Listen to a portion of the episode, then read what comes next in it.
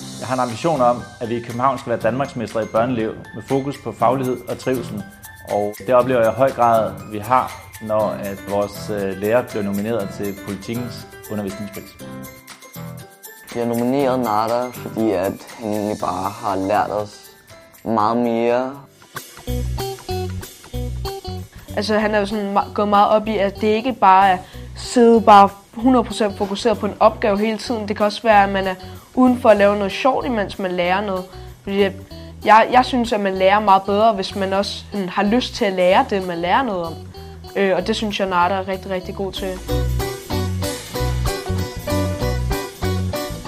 Hej, jeg hedder Jakob og jeg er børne- og ungdomsborgmester. Jeg har en øh, hemmelighed sammen med 7. U, for jeg vil gerne ønske dig tillykke med at være nomineret til øh, politikens øh, undervisningspris. Tusind tak. Tusind Tillykke. Tak. Tusind tak skal du have.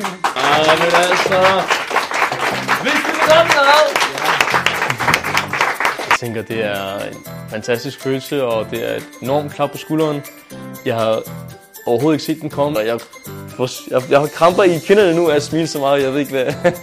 Tusind tak skal I have. Det her, det er mere værd end guld og sølv. Tak skal I have, børn. Tusind tak. Tusind tak.